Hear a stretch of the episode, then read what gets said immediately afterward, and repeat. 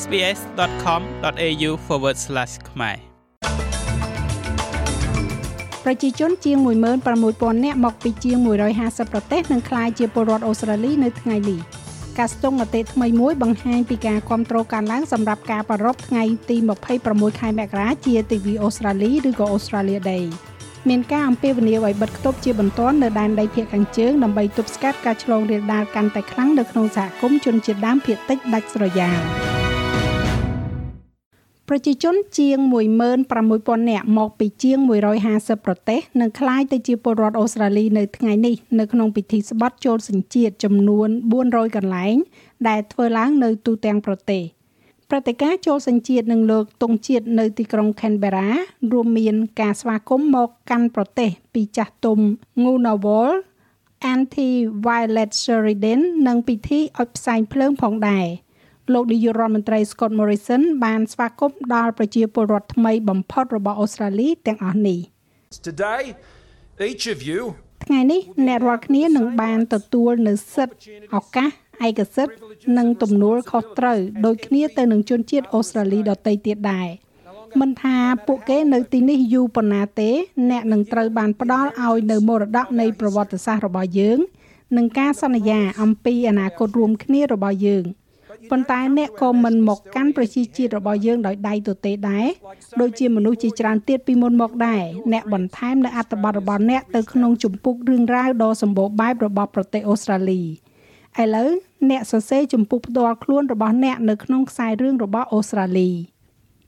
ការស្ទង់មតិថ្មីមួយបង្ហាញពីការគ្រប់គ្រងការឡើងសម្រាប់ការប្រារព្ធថ្ងៃ26ខែមករាគឺជាទិវាអូស្ត្រាលីឬក៏ Australia Day ការស្ទង់មតិរបស់ Roy Morgan SMS លើប្រជាជនជាង1000នាក់បានរកឃើញថា65%គាំទ្រឈ្មោះនេះដើម្បីរំលឹកដល់ថ្ងៃដែលលោក Captain Arthur Phillip ចុះចតនៅ Sydney Cove នោះគឺការឡើង6%ពីការស្ទង់មតិកាលពីឆ្នាំមុនហើយធៀបទៅនឹង35%ដែលជឿថាវាគួរតែត្រូវបានគេស្គាល់ថាជាទិវាឈ្លានពានឬក៏ Invasion Day ។ លទ្ធផលបានរកឃើញថាមនុស្សវ័យក្មេងទំនងជាចូលចិត្តហៅថាជា Invasion Day ជាងខណៈដែលអ្នកដែលមានអាយុ35ឆ្នាំឡើងទៅ ចូលចិត្តហៅ Australia Day ប្រជាជនគំរូរបស់អូស្ត្រាលីប្រចាំឆ្នាំ2022ឬក៏2022 Australian of the Year លោក Dylan Alcott បានបដិញ្ញានឹងប្រើប្រាស់ពេលវេលារបស់លោកក្នុងទូនាទីនេះដើម្បីបន្តធ្វើការលើកកម្ពស់ ជីវភាពរស់នៅរបស់ជនពិការ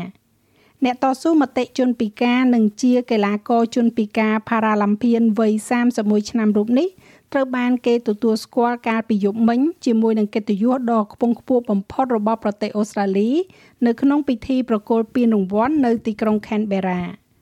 លោក Alcott គឺជាជនពិការដំបូងគេ ដែលបានទទួលរង្វាន់កិត្តិយសក្នុងប្រវត្តិសាស្ត្ររយៈពេល62ឆ្នាំមកនេះ។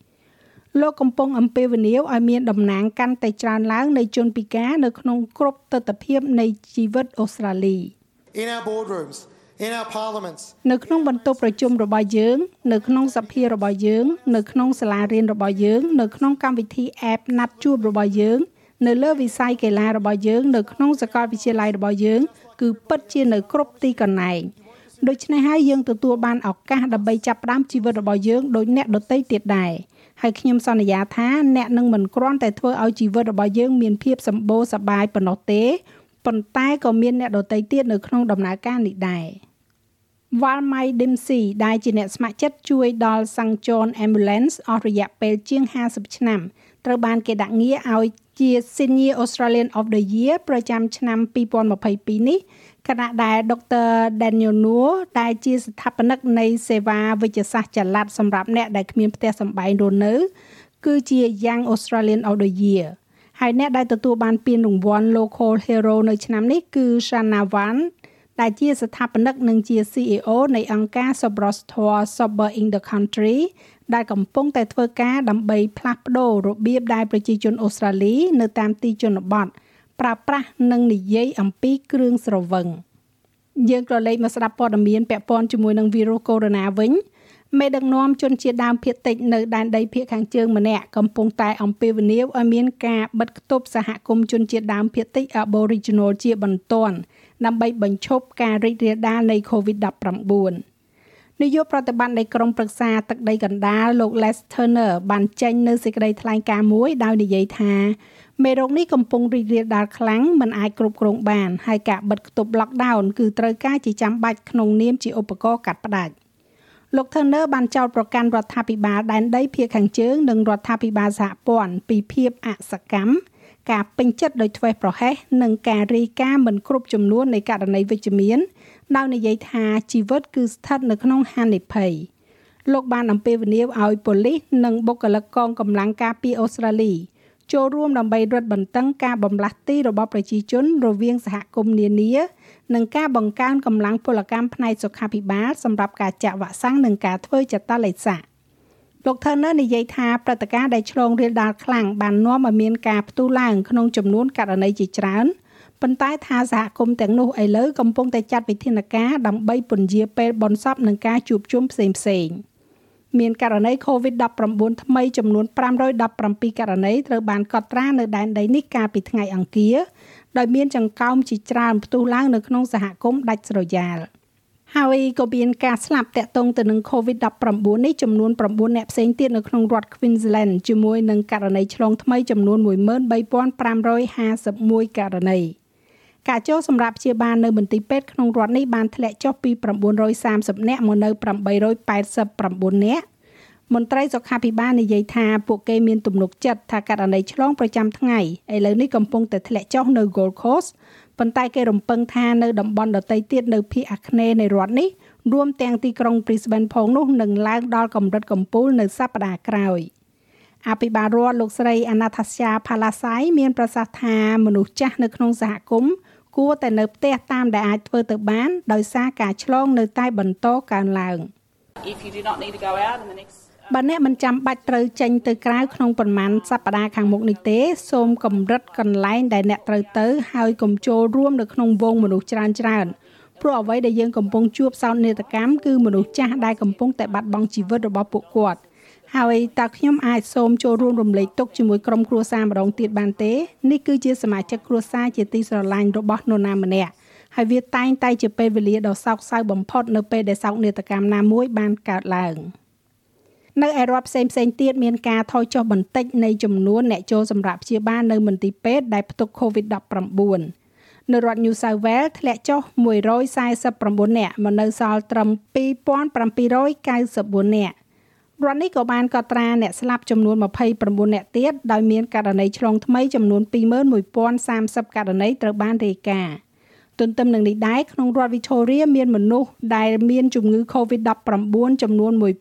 1089នាក់នៅក្នុងមន្ទីរពេទ្យ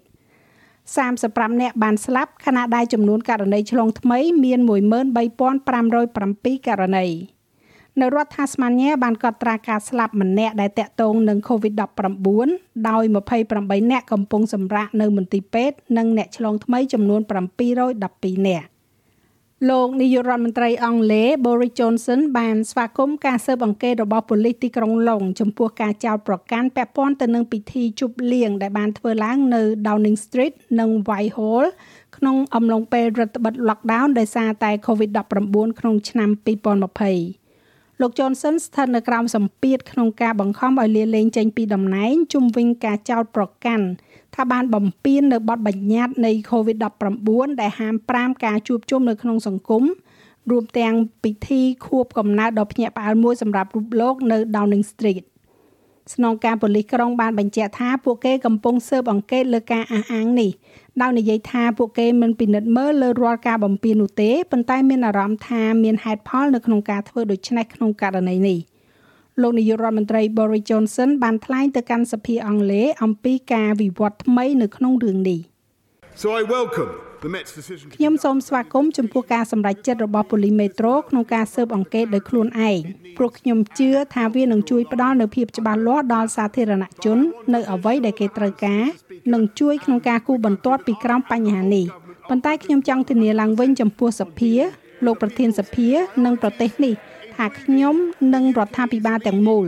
ផ្ដោត100%ទៅលើការដោះស្រាយជាអតិភិបរបស់ប្រជាជនរួមទាំងទូនាទីនាំមុខគេរបស់ចក្រភពអង់គ្លេសនៅក្នុងការការពារសេរីភាពនៅជុំវិញពិភពលោក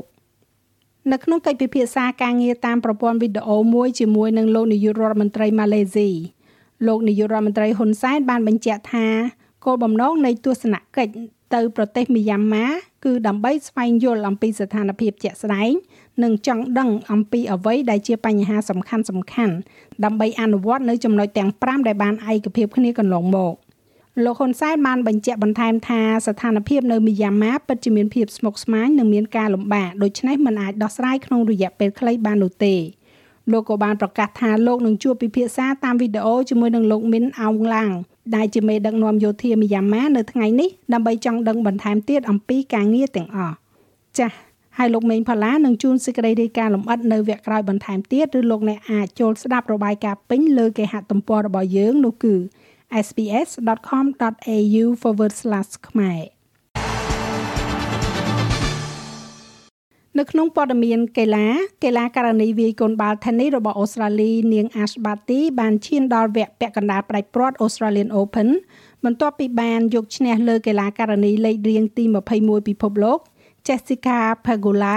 ក្នុងពិន្ទុ6ទល់នឹង2និង6ទល់នឹង0ក្នុងរយៈពេលត្រឹមតែជាង1ម៉ោងប៉ុណ្ណោះកីឡាករនីលេខ1ពិភពលោករូបនេះនៅមិនទាន់ចាញ់មួយសេតណាឡើយនៅក្នុងការប្រកួត Grand Slam លើកដំបូងនៅឆ្នាំនេះ។ ហើយនៅថ្ងៃប្រហ័សស្អែកនេះបាទីនឹងត្រូវប៉ះជាមួយនឹងកីឡាករនីអាមេរិក Madison Keys នៅក្នុងវគ្គពាក់កណ្ដាលផ្ដាច់ព្រាត់រីឯអត្រាប្តូរប្រាក់វិញ1ដុល្លារអូស្ត្រាលីមានតម្លៃប្រមាណជា71សេនកន្លះដុល្លារអាមេរិកត្រូវនឹង2910រៀលប្រាក់រៀលខ្មែរ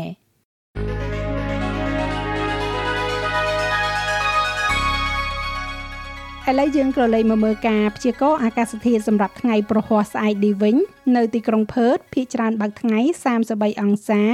នៅអាដាលេដមានពពកដោយពេល31អង្សាមែលប៊នរលឹមបន្តិចបន្តួចអាចនឹងមានព្យុះ34អង្សា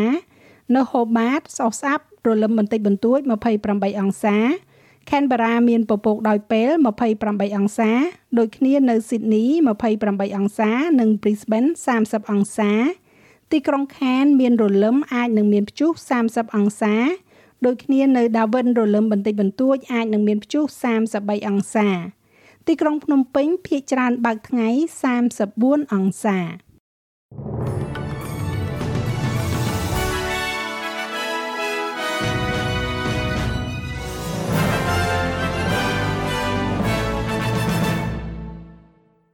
ចាលោកលោកស្រីអ្នកនាងកញ្ញាជាទីមេត្រីនេតិព័ត៌មានជាតិអន្តរជាតិអមជាមួយនឹងព័ត៌មានកីឡានិងការព្យាករណ៍អាកាសធាតុដែលលោកអ្នកកំពុងតាមដានស្ដាប់នៅពេលនេះចាប់តែប៉ុណ្ណេះ